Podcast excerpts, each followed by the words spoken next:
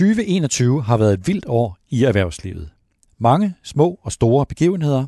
Coronakrisen blussede op igen med en ny variant af sygdommen. Der er stadig kaos i forsyningskæderne. Inflationen er vendt tilbage. Og ny teknologi fortsætter med at lave om på spillereglerne. Men hvad har været det mest overraskende? Hvad har gjort det største indtryk? Jeg har forsøgt at samle tankerne og at finde fem aha-oplevelser. Fem oplevelser, hvor jeg blev overrasket, hvor jeg lærte noget, hvor jeg virkelig fik noget at tænke over. Jeg har skrevet om dem i børsen i løbet af året, og jeg har også haft dem med her i podcasten, men her har jeg forsøgt at samle dem. De fem er, da min søn købte en burger igennem Volt, da jeg fik et blik ind i detailhandlens fremtid i en tøjbutik en fredag aften i Holstebro, da Mærsk-topchefen fortalte mig om sin sene digitale forståelse, da jeg lærte kompromilløsheden hos Pandora og ISS topchefer at kende, og da Danbred viste mig, hvor farligt det kan være at have en blind vinkel. Mit navn er Nils Lunde, chefredaktør på Børsen, og her kommer den første. Min første aha-oplevelse fik jeg en lørdag eftermiddag i foråret. Familiens teenager bestilte en burger, mens han lå i sin seng. En halv time senere kom et bud med burgeren, og jeg noterede mig ud over, at jeg har en doven søn, at han bestilte burgeren igennem budtjenestens app, uden at have kontakt til restauranten. Min iagttagelse gjorde mig nysgerrig. Jeg fornemmede, at jeg havde oplevet noget vigtigt, men jeg kunne ikke få helt styr på, hvad det var. Kunsten er jo at se det store i det små, som bekendt, og det var nogle uger, hvor jeg gik rundt om mig selv og tænkte, før at jeg forstod, hvorfor det, jeg havde oplevet, var interessant. Budet kom fra Volt, som er en platform. Og selvom vi som forbrugere har brugt platforme i lang tid, for eksempel Google og Spotify, og selvom mange virksomheder er vant til at sælge hos Amazon, så er det nu, at platformene, små og store, breder sig for alvor. Det store spørgsmål er, når kundens relation ligger hos platformen, og ikke hos leverandøren. Hvad betyder det så? Konsekvenserne, tror jeg, kan blive voldsomme for traditionelle virksomheder, der bruger platforme til at sælge. De får ganske vist adgang til nye kunder, flere kunder, men de risikerer at miste deres kunderelation.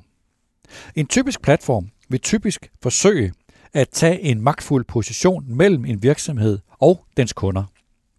Den vil være optaget af at skabe transparens og ofte også at skabe lave priser, og det vil gøre det sværere for de deltagende virksomheder at tilbyde deres kunder noget unikt, udover at platformen altså tager kunderelationen. Der er mange definitioner af, hvad en platform er, men ideen er at være et sted, hvor andre kommunikerer og handler med hinanden. Dynamikken bag en platform er, at den samler data om kunderne. Jo flere data den får, jo bedre service tilbyder den, jo mere værdifuld bliver den at bruge for kunderne, og jo sværere bliver det at forlade den, og jo mere vokser den. Det nyklassiske eksempel er Googles sejr over Yahoo. Volt har 150-200 medarbejdere, der på tværs af landegrænser udvikler platformen, det vil sige appen og hjemmesiden. Det er der kun meget få virksomheder, der kan matche, og slet ikke restauranter, selv en gigant som McDonald's i Danmark ser med bekymring på fænomenet. Så hvad bliver Volds næste skridt?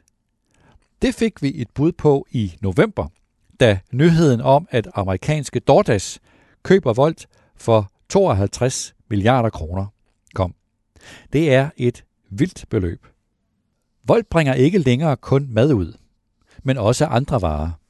Da Volts stifter Miki Kusi blev spurgt om dette på et pressemøde i forbindelse med Dordas-aftalen, svarede han, at når Volt går ind i et nyt marked, så starter man altid med et fokus på restauranter, men at dagligvarer og detailhandel, som han sagde, vil blive en vigtig del af vores fremtid. Det er godt nyt for kunder, der ønsker mere bekvemmelighed. De får flere valgmuligheder, de kan få deres varer bragt til døren, og der er hård konkurrence og lave priser. Men ud over restauranterne, hvad så med detailhandlen? Og hvad med detailhandlens butikker og dagligvarerhandlen. Selling Group, Coop, Rema 1000 og Dagrofa er kommet ret sent i gang med at bringe varer ud til kunderne. I realiteten skete det først her i 2021.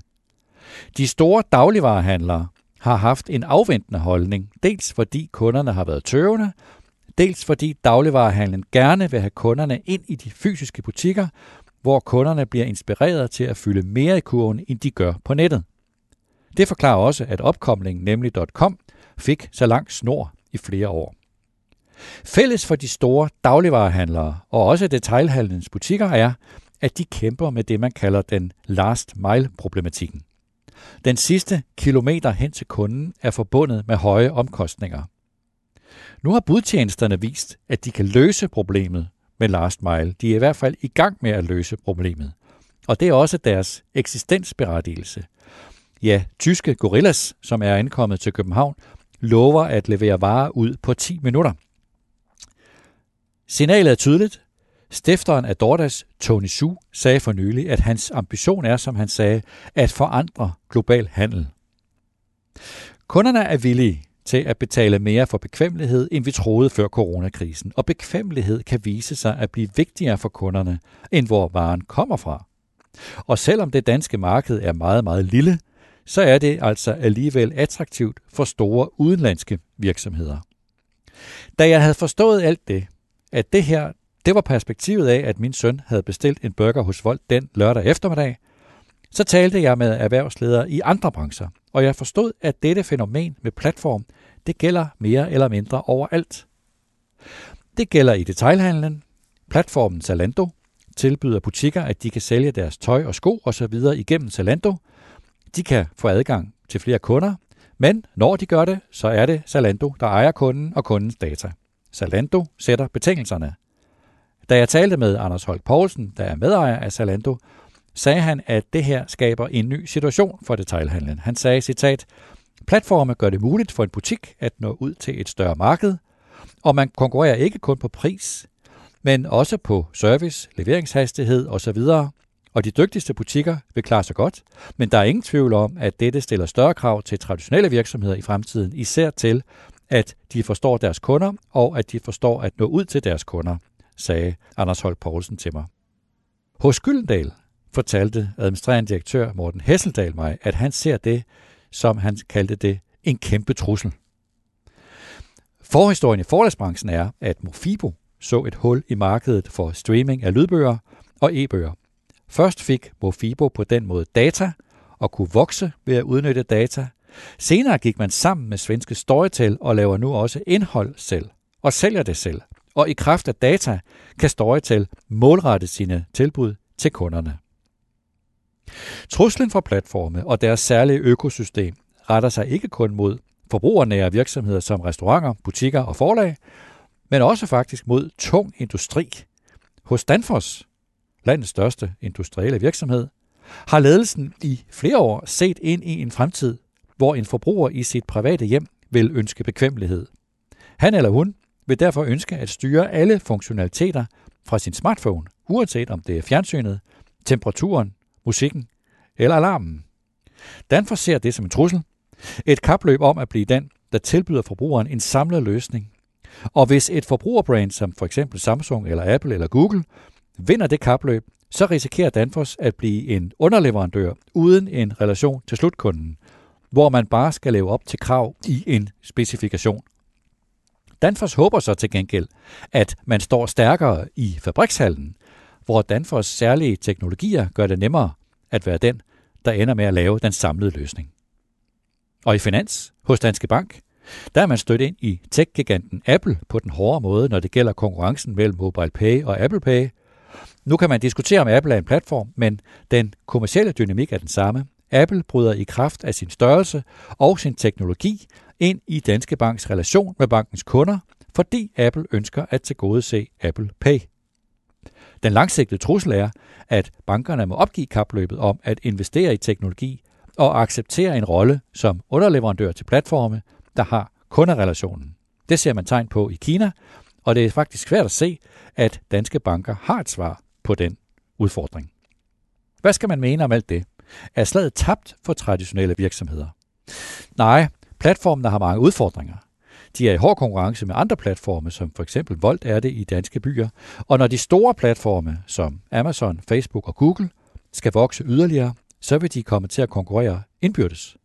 Og store virksomheder, traditionelle virksomheder, er ved at komme ind i kampen for alvor, for eksempel Walmart og Disney. Platformen er også presset politisk i både USA og EU, hvor man taler om hårdere regulering, og de er presset af fagforeninger mange steder. Men kravet til traditionelle virksomheder er tydeligt. Vær tæt på dine kunder. Dette er en ny kamp om kunderne, og truslen kommer ikke fra dine traditionelle konkurrenter, men et helt andet sted fra. Det var min første aha-oplevelse. Min anden aha-oplevelse i år, den fik jeg en mørk og kold aften i februar i Holstebro. Det var under den anden nedlukning. Jeg havde fået et tip om, at der skete noget interessant i en tøjbutik, som hedder Dein Topshop på Storetorv i Holstebro. Jeg ringede til indehaverne, familien Dein, og fik lov til at komme forbi. Når jeg valgte at besøge Dein Topshop en fredag aften, så var det fordi, at det var på det tidspunkt, at Marianne Dein og datteren Christine Dein lavede live shopping. Da jeg kom, var de to i gang med en times live shopping hvor de to fra kl. 19 til kl. 20 solgte tøj foran et kamera i en mobiltelefon. De solgte jakker, bluser, bukser, skjorter og meget mere. De viste tøjet frem, de havde tøjet på, de talte med hinanden og med kameraet. De kaldte det for en auktion, men det var mere en slags konkurrence, hvor det for kunderne galt om at komme først og skrive ja tak i kommentarsporet på Facebook. De gjorde det tre gange om ugen, og denne aften satte de rekord med 1200 deltagere eller kunder. Bruttotallet er større, fordi de 1200 er et øjebliksbillede. 1200 kunder, det er mange for en tøjbutik i Holstebro. Det var Christines idé, sagde Marianne Dein til mig. Vi har jo lukket butikken på grund af corona, så vi vil prøve noget nyt. Vi var meget spændte første gang, men meget hurtigt begyndte der at være mange, der kiggede med, og de er med fra hele landet. Citat slut. Der er langt fra Stortorv i Holstebro til den internationale detailhandel, men der er en sammenhæng. Detailhandlens relation til kunderne ændrer sig, og en virksomheds fremtid afhænger af, om man er i stand til at tilpasse sig det strukturelle skifte. Den fysiske butik har været under pres i lang tid. Bare tag byernes gågader, gå ned og se de tomme butikker, og coronakrisen har forstærket presset. Og i horisonten er Amazon på vej. Det betyder ikke, at den fysiske butik forsvinder, eller at kunderne vil købe mindre. Men det betyder, at de kommercielle dynamikker, der er kendt fra lærebøgerne, slår igennem for alvor. Marginalerne er små, og der er ikke plads til mange led i den værdikæde. Inden for tøj og mode forklarer det, at store og digitale virksomheder, som for eksempel Zalando og Boost, bliver stærkere, fordi de kan udnytte stordriftsfordele, men tendensen gælder det meste af detailhandlen. Det presser traditionelle butikker til at foretage et klassisk strategisk valg. De må enten søge sammen med nogen, f.eks. en platform, eller forsøge at gøre sig så unikke, at de kan tilbyde deres kunder noget, som for eksempel en Amazon ikke kan tilbyde. Hvis en typisk butik i en dansk provinsby vil forsøge at gøre sig unik over for sine kunder, så er det nærliggende at forsøge at skabe fællesskab og nærhed. Det er det, Dein Topshop forsøger med live shopping. Live shopping er en salgskanal.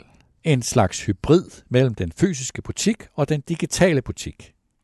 Live shopping går ud på, at kunderne følger med via livestreaming og at de kan købe varerne i realtid.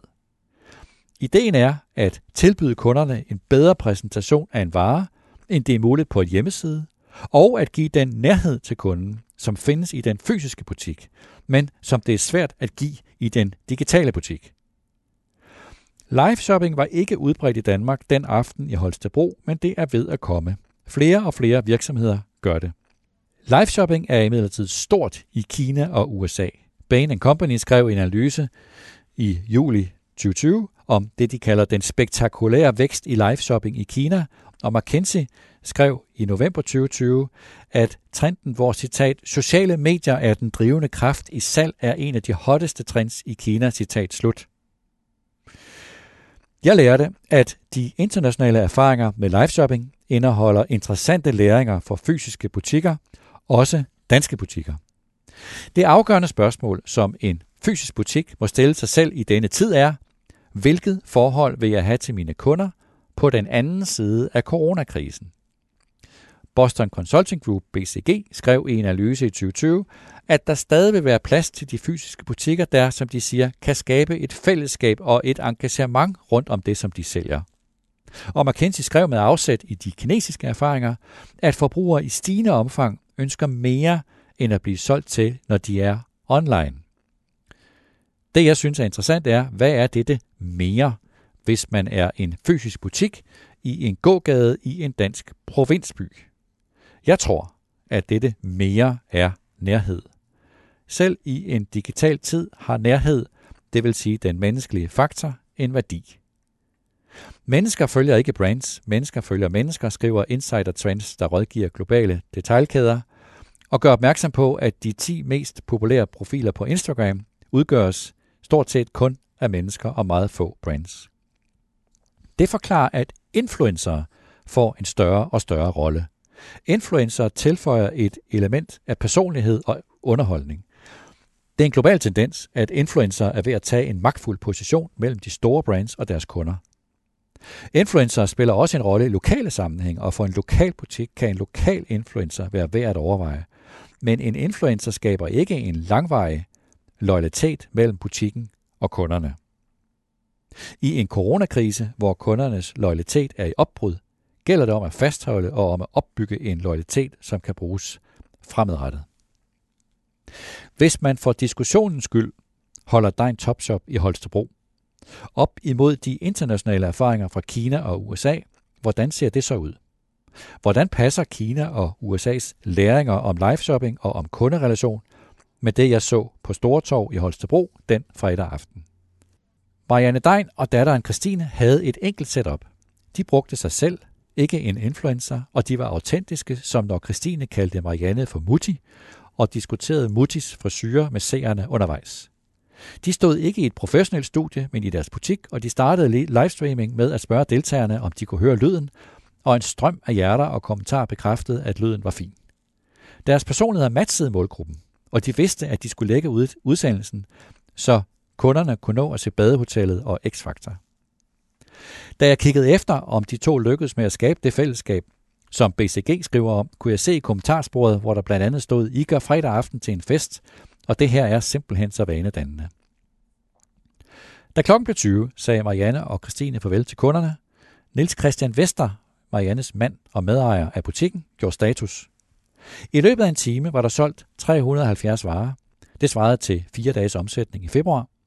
Februar er en lille måned, men det var alligevel et godt resultat. Nu ventede der halvanden dags arbejde med at pakke varerne og med at svare på Facebook, hvor opslaget endte med at få knap 5.000 kommentarer. Niels Christian Vester fortalte mig den aften, at butikken trods coronanedlukning nåede et salg på indeks 70 i januar, som traditionelt er en stor måned. Det resultat skyldtes liveshopping, sagde han, og gjorde opmærksom på, at liveshopping har en særlig fordel. Når kunderne får præsenteret varen på live shopping, kan de bedre vurdere den, og det betyder, at vi får færre returvarer end normalt, sagde han. Hvad er perspektivet i alt det her? Da jeg sad bag kameraet og jagtog Marianne og Christine den fredag aften, meldte spørgsmålet sig. Hvad er det egentlig, de to sælger? Er det her overhovedet en tøjbutik? Eller er det i virkeligheden en slags oplevelsesøkonomi? Er deres autenticitet vejen til at skabe et fællesskab, som kan udvikles til noget mere for deres målgruppe? Underholdning, rådgivning og mode? En lokal portal, hvor man sælger mere end tøj? Et virtuelt mødested? Det må tiden vise. Uanset hvad, så handler det for detailhandlen som altid om købmandskab, om at tilbyde sine kunder noget unikt, og som Amazon ikke kan tilbyde dem, når den amerikanske gigant tager fra springet fra Sverige og kommer til Danmark. Det var min aften i Holstebro. Når jeg nu er i gang med detailhandlen og de ting, der sker i detailhandlen, så havde jeg en oplevelse mere, som jeg vil tage med her. Og det var, da jeg opdagede fænomenet TikTok. Der er mange, der har hørt om den kinesiske app, der viser videoer, som mennesker har optaget selv. Men eftersom at TikTok især er målrettet unge mennesker, så kan den være nem at overse for voksne. Jeg lavede et uvidenskabeligt rundspørg til nogle topchefer i erhvervsledet, og det tyder på, at de ikke rigtig kendte appen. selvom den findes i deres umiddelbare nærhed inde i børneværelset, hvor deres børn sidder med hovedet nede i deres telefon og ser på TikTok-videoer. Måske vil det være en god idé at give appen lidt mere opmærksomhed. Min jagttagelse er i hvert fald, at TikTok har sat nogle voldsomme kommercielle kræfter i bevægelse, og især i detailhandlen. Forhistorien kort er, at en iværksætter, Jean Yemin, skabte en app tilbage i 2010, som var baseret på kunstig intelligens. Den prioriterede sit indhold ud fra, hvad brugerne kunne lide at se, altså hvad de rent faktisk kiggede på. Det er anderledes end de fleste andre sociale medier, hvor indholdet mere afhænger af, hvem brugerne vælger at følge. Det har vist sig at være en forbløffende stærk konkurrencefordel. Wall Street Journal lavede en stor test af TikToks algoritme, og i en efterfølgende podcast fortalte de om resultatet, hvor de siger, TikTok fortæller, at det, der har betydning for, hvad appen viser, det er dine delinger, likes, følgere og søgninger. Men vi har opdaget, at TikTok kun har brug for en af de oplysninger, og det er, hvilket indhold du kigger på. Forløbet er, at Jiang Yimin lancerede appen Douyin i Kina i 2016, og en tilsvarende app med det mere vestligt klingende navn TikTok i 2017. TikTok er kontroversiel. Den tidligere amerikanske præsident Donald Trump ville forbyde TikTok i USA. Det blev ved truslen, men TikTok er også udfordret af etiske dilemmaer. Der er jævnligt kritik i internationale medier af, at børn udsættes for uønsket indhold, og at der ikke er overvågning af de råd og anbefalinger, som unge giver hinanden på platformen. Med det forbehold, væsentlige forbehold, så er TikTok ved at blive en kommersiel magtfaktor. Det gælder for eksempel inden for privatøkonomi. Videoer med hashtagget personal finance, hvor unge rådgiver hinanden, har fået mere end 4 milliarder visninger. 4 milliarder visninger. Nøglen til at forstå TikTok er, at videoerne ikke kun er underholdende, men at de skaber en slags digitalt fællesskab mellem unge. Det giver uventede, men voldsomme kommercielle udslag. Den danske boghandel Saxo opdagede i vinter, at salgstallene for en syv år gammel ungdomsroman begyndte at stikke af på bestsellerlisterne. Magasinet Zetland dykkede ned i mysteriet og fortalte i en større artikel, at det viste sig, at det eksplosive salg skyldtes, at der var opstået en bogklub på TikTok, og at videoer med hashtagget BookTok er blevet set mere end 20 milliarder gange på TikTok. Unge brugere havde lagt videoer op på TikTok, hvor de viste deres følelser over for bogen, og Zetland konkluderede, at de unge på TikTok har en form for følelsesmæssigt fællesskab. For nogle måneder siden kom så nyheden om, at TikTok ville åbne sine videoer for handelsplatformen Shopify. Det betød, at virksomheder, der sælger på Shopify, får mulighed for at linke fra TikTok, så man sender forbrugerne til deres onlinehandel. I første omgang der galt den nye muligheder i USA og Storbritannien, men hvis resultaterne bliver gode, må man forvente, at den nye funktionalitet kommer til flere lande, også til Danmark. Det nye samarbejde mellem TikTok og Shopify er et udtryk for den udvikling, som især har været, udsy- været synlig i Kina, men også i USA, nemlig live shopping, som den jeg oplevede i Holstebro. I live shopping, hvor de fysiske butikker ændrer karakter til en slags tv-studier. Coronakrisen har forstærket tendensen yderligere. Flere danske ledere fortæller mig, at når de er til store begivenheder i Kina, så lægger de mærke til, at de bedste pladser oppe foran nu tilbydes til influencer, mens de tidligere blev tilbudt repræsentanter fra store brands. Det er svært at sige, hvordan det her udvikler sig, og det er en alvorlig udfordring, at man kommunikerer med sine kunder igennem en algoritme eller en platform, som man ikke har indflydelse på. Med det forbehold, så har forbrugerne vist sig at værdsætte en særlig kombination af indhold og fællesskab og underholdning og salg. Og hvis man alene forsøger at sælge sit produkt, så vil man hurtigt tabe troværdighed. Det gælder snarere om at udtrykke et brand og om at gøre det på en personlig og autentisk måde. Den slags er nemmere sagt end gjort, og det kræver, at man giver noget af sig selv. Hvis man vil se et lokalt dansk eksempel, så er der slikbutikken Slikreven i Bellinge ved Odense. Indehaveren Bettina Nielsen lagde nogle videoer på TikTok, og en af dem blev vist mere end 140.000 gange på TikTok, og da Fyns Stiftstidende besøgte butikken sidste vinter, stod der 68 mennesker i kø udenfor en fredag eftermiddag. Ganske vist i en tid med coronarestriktioner, men alligevel. Bettina Nielsen sagde til Fyns Stiftstidende, altså indehaveren af Slikreven, det kan godt være, at mine videoer er amatøragtige, og jeg sidder med pjusket hår, dukkede briller og kommer til at grine, men det virker. Hold nu kæft, det virker. Så, hvis nogen skulle være i tvivl om det her er vigtigt, så er der et sted, hvor man virkelig kan måle, hvad der er hot og hvad der ikke er hot. Og det er årets største jetset-begivenhed i New York, når magasinet Vogue holder sin årlige Met Gala, hvor toppen af USA's kendiser viser sig frem. I år havde Vogues berømte chefredaktør Anna Wintour skåret ned i gæstelisten på grund af corona, og det vagte derfor opsigt, at hun alligevel prioriterede unge stjerner fra TikTok og YouTube, og især stjernen over dem alle. Hun hedder Addison Ray, hun var 20 år gammel på det tidspunkt, og har 84 millioner følgere på TikTok. En 20-årig med 84 millioner følgere på en platform, som er ved at åbne for kommersielt salg. Jeg tror, at de tektoniske plader under erhvervslivets salgskanaler er i bevægelse. Det var min anden aha-oplevelse i år. Min tredje aha-oplevelse handler om ny teknologi. Og om en samtale, som jeg havde med Søren Skov, topchef i AP Møller Mærsk i juni.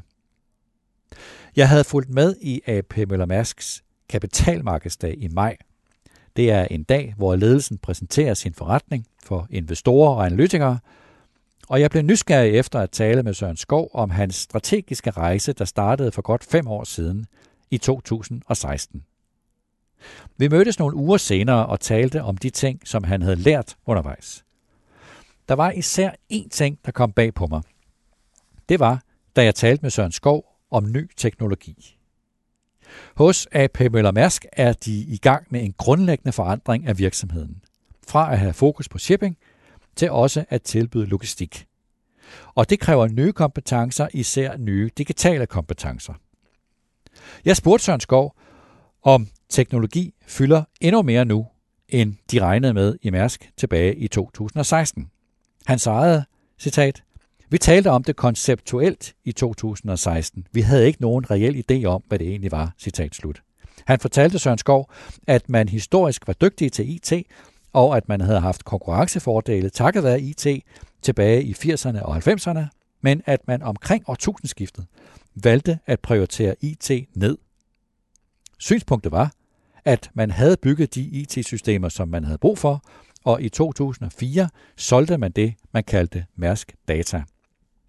Når han skulle forklare nu, hvordan opfattelsen var internt dengang, da man valgte at skille sig af med Mærsk Data, sagde han til mig, nu var det IT-game spillet, nu var det bare omkostninger, og så outsourcede vi det. I vores tilfælde solgte vi hele baduljen til IBM. Jeg spurgte ham, tænkte man virkelig sådan? Og han svarede, ja det gjorde man da. Vi havde jo alle de systemer, som man skulle bruge. Søren Skov fortalte mig, at det var først i 2013-2014, at man fik øjnene op for, hvad digitalisering kunne udrette. Man forstod, at man kunne spare penge, og også, at man kunne give en bedre kundeoplevelse. Han sagde til mig, det var en af de helt unikke indsigter, som er åbenlys i dag, at en digital løsning kan give en bedre kundeoplevelse, end hvis du har mennesker involveret. Den indsigt gjorde, at vi besluttede os for at bygge vores eget, men vi fandt jo så ud af, at vi havde outsourcet det hele. Det havde store konsekvenser. De mennesker, der var ansat i IT-afdelingen, var indkøbere og ikke teknologifolk. Og hvis man hos Mærsk havde brug for en ny applikation, så købte man den hos en leverandør. Søren Skov fortalte mig, at man nu har ansat omkring 3.000 tech-medarbejdere, og at den vigtigste læring ikke er, at teknologi er vigtigt, men at teknologi er krævende.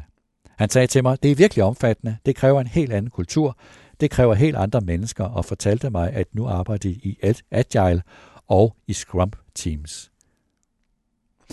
Jeg sagde til Søren Skov, at hans, en af hans forgængere, Ivan Kolding, som var leder af Mærsk Line, han sagde for mere end 10 år siden i et berømt citat, at det skulle være lige så nemt at booke en container på mærsk.com, som at købe en bog på amazon.com. Jeg spurgte Søren Skov, hvorfor er det først lykkedes for jer nu? Og han svarede, Bill Gates har sagt, at man har en tendens til at overvurdere effekten af teknologi på den korte bane og undervurdere den på den lange bane. Jeg tror, at det også er gældende her. Vi troede, at vi kunne få kunderne til at booke direkte, og at det ville gå meget hurtigere. Det gjorde det ikke. Til gengæld, da det endelig kom, blev det massivt meget mere vigtigt, end vi forventede. Citat slut. Så vidt min samtale med Søren Skov. For mig var det en aha-oplevelse. Vi lever i en tid, hvor ny teknologi og digitalisering fylder utrolig meget, og også er afgørende for vores måde at leve på og for virksomheders måde at leve på, og så er det i virkeligheden relativt nyt. Det var først i 2013-2014, at de hos Mærsk for alvor fik øjnene op for digitaliseringen. Hvad betyder det? Hvorfor er det interessant? Jeg har tænkt over det, og selvom det måske bare er mig, der synes det er interessant, så fortæller det i hvert fald mig, at vi først er ved begyndelsen. Vi står kun på tærsklen til en ny og digital verden, som vil ændre vores liv afgørende. Vi har indtil nu kun nøjes med en slags konceptuel forståelse af ny teknologi, sådan som Søren Skov talte om. Men for mange af os vil vi blive nødt til at få en langt dybere forståelse, hvis vi skal kunne være med i de kommende års overvejelser og beslutninger. Et eksempel. Hvis man skal lede en proces, hvor medarbejdere, der koder, skal arbejde sammen med medarbejdere, der tænker i brugervenlighed og kundeinterface, hvor meget bør man så forstå selv? Det er der delte mening om i mange ledelser. Mit bud er, at alle ledere bliver nødt til at få skabt en personlig klarhed. Hvilken digital forståelse er jeg egentlig nødt til at have for at kunne varetage mit job i fremtiden? Det var min tredje aha-oplevelse. Min fjerde aha-oplevelse fik jeg i to omgange. Det var i foråret, og det skete, da jeg først talte med Alexander Latsik, der er topchef i Pandora, her i podcasten, og det skete, da jeg kort efter havde besøg af Jakob Aarup Andersen, topchef i ISS, i Børsen Executive Club. Det var et fælles emne i mine to samtaler, at de to har brugt meget fokus på at forstå deres virksomheders kerneforretninger. Både Pandora og ISS har haft alvorlige udfordringer, og i deres bestræbelser på at løse de udfordringer, har de fokuseret på kerneforretningen. Kort fortalt, så er Pandoras formål, som kerneforretningen er en del af, at give mennesker mulighed for at udtrykke sig selv, og med afsæt i det formål har man skabt sine produkter, især armbåndet med vedhæng. Og når Pandora kom på afveje for nogle år siden, var det fordi man udviklede nye produkter, som ikke var forankret i formålet. Man undervurderede sin kerneforretning. Alexander Latsik har fokuseret tilbage. Han har erklæret internt, at Pandora ikke længere skal se sig selv som en smykkeproducent, men som en smykkebrand, og nye produkter skal udvikles med udgangspunkt i en forståelse af virksomhedens formål, og kun det. Og med hensyn til ISS, hvad er kernen i ISS så? De fleste forbinder ISS med rengøring, men gennem årene er flere ydelser fået til, for eksempel madlavning, drift af kantiner, teknisk service, receptionsservice, mødeservice, bygningsvedligehold, gardnerservice. Det har sammen med tilgang af nye globale kunder, komplekse kunder, svækket fokus på, kunde, på kerneforretningen. I Jakob Aarup Andersens strategiske opdatering for et år siden erklærede han, at nu er rengøring kernen. De øvrige ydelser er vigtige, men rengøring er den inderste kerne. Hos både Pandora og ISS har det skabt et behov for nye kompetencer. Og det gik op for mig, at Alexander Latsik og Jakob Aarup Andersen går kompromilløst til opgaven, også mere kompromilløst, end jeg havde regnet med. Alexander Latsik fortalte mig, at han på kort tid havde udskiftet 60% af virksomhedens top 50. Han sagde til mig, vi vil være et globalt ledende varemærke og skal have den organisation, der kan løse den opgave. Jakob Aarup Andersen fortalte mig, at han regnede med at have udskiftet 40% af virksomhedens top 200 inden årets udgang. Han sagde til mig, hvis du bringer en rigtig stjerne ind på et område, så er det ikke et spørgsmål, om du får 20% mere. Du får fem gange eller 10 gange mere. Han sagde også, Jakob Aarup Andersen, det jeg kan se, det er, at når vi bringer stjerner ind, hvis jeg må bruge det udtryk, lad mig sige højt kompetente mennesker, så trækker det noget andet med sig. Det trækker talent med sig. Folk vil gerne arbejde for de her fyrtårne. Det skaber nogle utroligt interessante, positive dynamikker i en organisation. Når du bringer virkelige kapaciteter ind i en organisation, så trækker det et helt lag af talenter med sig, så du får en multiplikatoreffekt i din organisation. Jeg har meldt ud, at vi vil være verdens bedste til det, vi gør. Så er du også nødt til at have verdens bedste spillere på dit hold, sagde Jakob Aarup Andersen. Jeg spurgte både Alexander Latsik og Jakob Aarup Andersen, om denne kompromilløshed gav dem nogle interne problemer. Når de interne talenter ser, at de gode jobs bliver besat med eksterne kandidater, hvad så med deres motivation?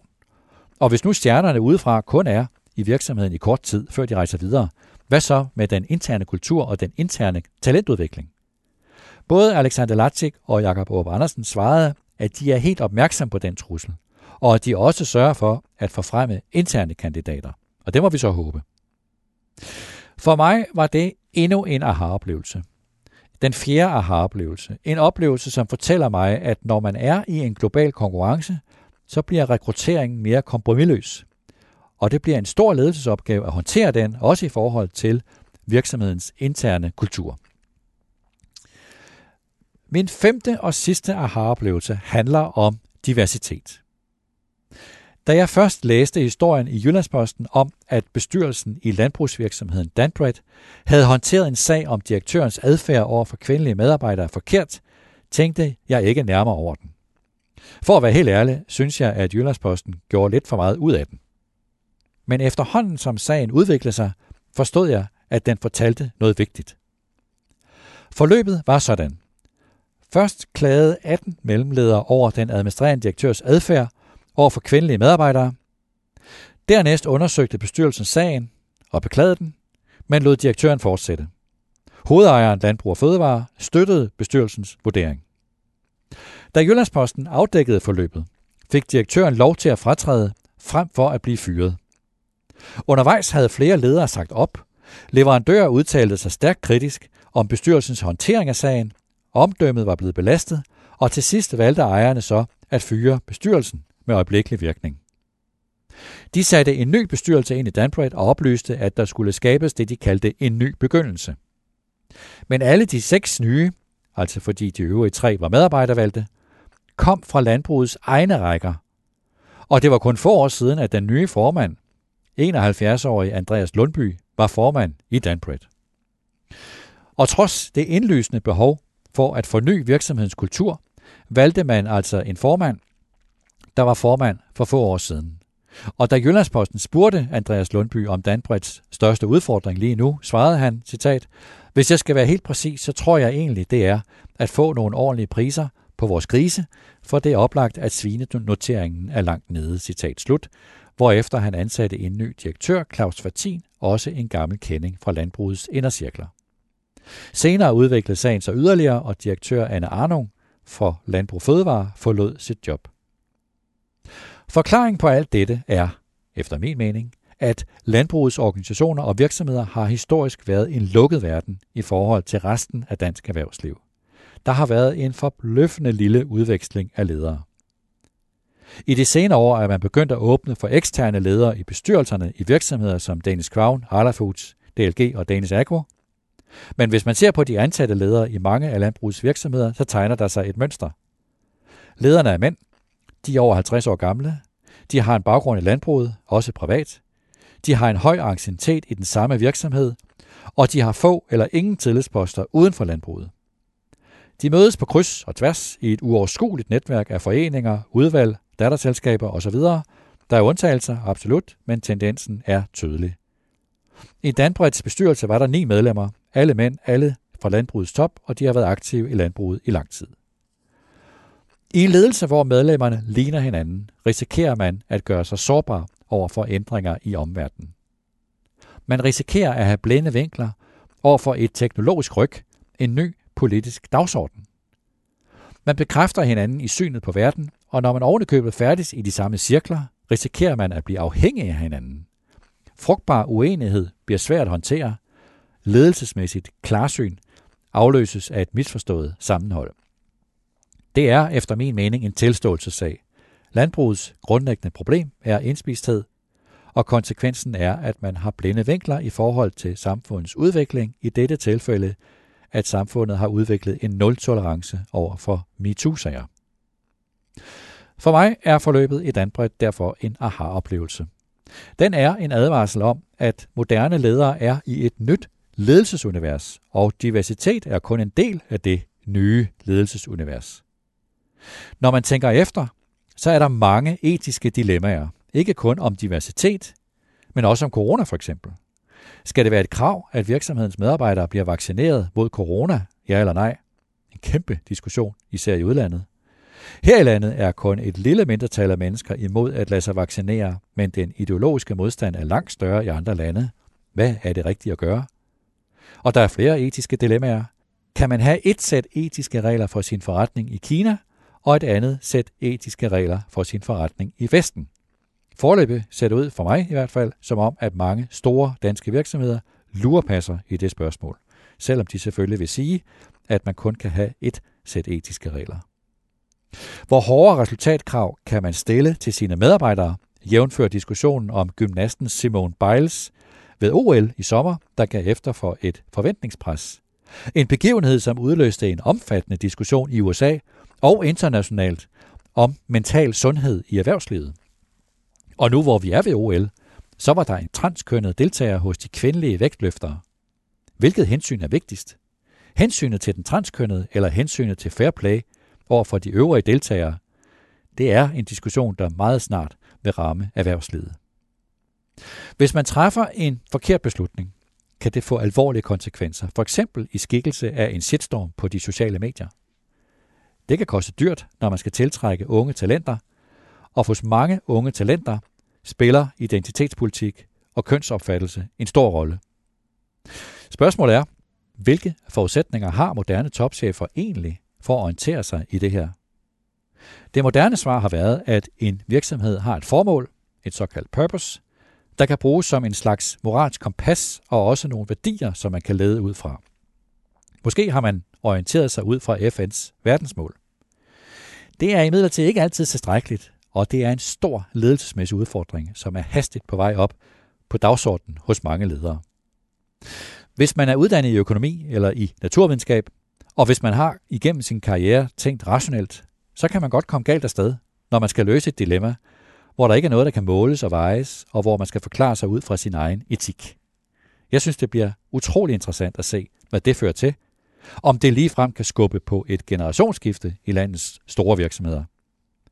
Jeg har talt med flere topchefer, hvor de siger noget meget forskelligt, afhængigt af, om vi taler til citat eller ikke til citat. Når vi taler til citat, siger de, at alt det er vældig positivt og meget naturligt osv. Når vi taler uden for citat, så fortæller de, at dette er meget, meget svært at orientere sig i, og at deres frygt for at sige noget, som kan tolkes på en uheldig måde i en anden kultur eller i en anden geografi, er meget stor. De fortæller for eksempel meget sjældent vidtigheder længere. Det var mine fem aha-oplevelser i 2021. Jeg beklager, at det blev en lidt lang optagelse, og håber, at du fulgte med hele vejen igennem. Jeg glæder mig til 2022, hvor jeg er sikker på, at der venter mindst lige så store og spændende aha-oplevelser. Tusind tak, fordi du lyttede med. Tak til Mie Christensen, der redigerede podcasten. Og hvis vi ikke høres ved før, en rigtig glædelig jul og et godt nytår.